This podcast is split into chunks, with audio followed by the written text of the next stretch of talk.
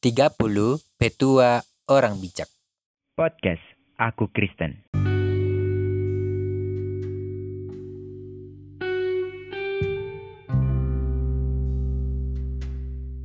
Jangan iri kepada orang jahat, jangan ingin bergaul dengan mereka. Karena hati mereka memikirkan penindasan dan bibir mereka membicarakan bencana.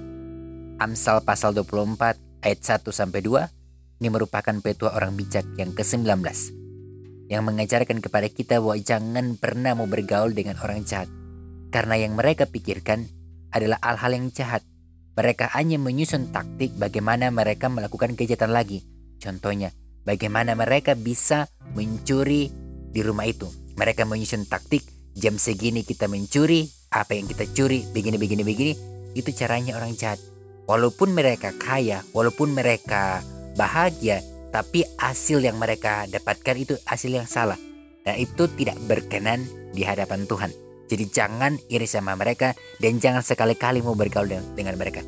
Karena jika engkau bergaul dengan mereka, maka engkau juga akan terjerumus ke dalam mereka.